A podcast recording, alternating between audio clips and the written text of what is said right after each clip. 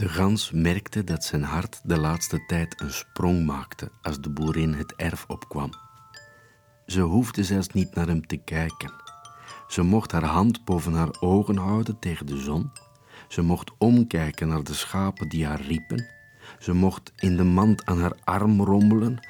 Zijn hart trok zich daar niets van aan. Het sprong.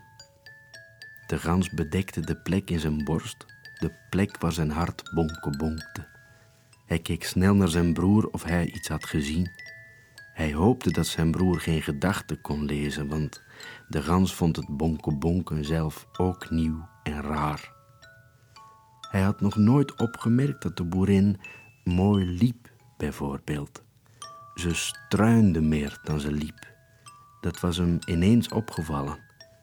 Hij vond ook dat ze mooie onderarmen had. En de lijn van haar hals was een boog waarin je kon liggen. De gans liep een eindje met haar mee, aarzelend of hij haar zijn gedachten zou vertellen. Maar halverwege het erf betrapte hij zich op wat hij aan het doen was. Hij klakte met zijn tong en deed tss.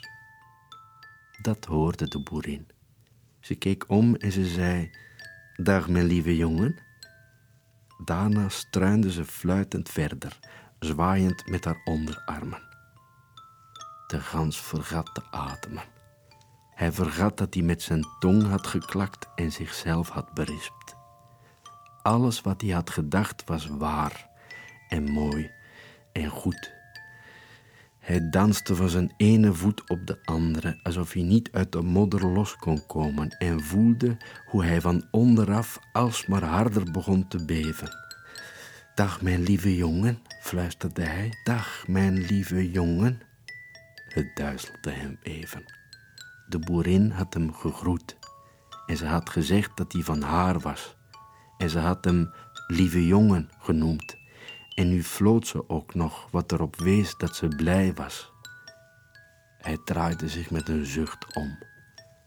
Een eindje verderop stond zijn broer met zijn hoofd te schudden. Is het weer zover?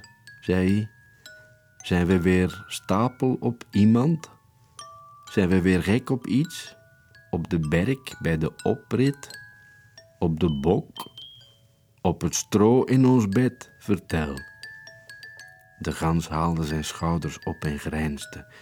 Ik zeg niks, zei hij. Ik zeg niks. Nee, jij zwijgt, zei de broer, maar je hart niet. Ze hoorden allebei hoe het hart van de gans bonke bonkte, bonke bonkte, bonke bonkte.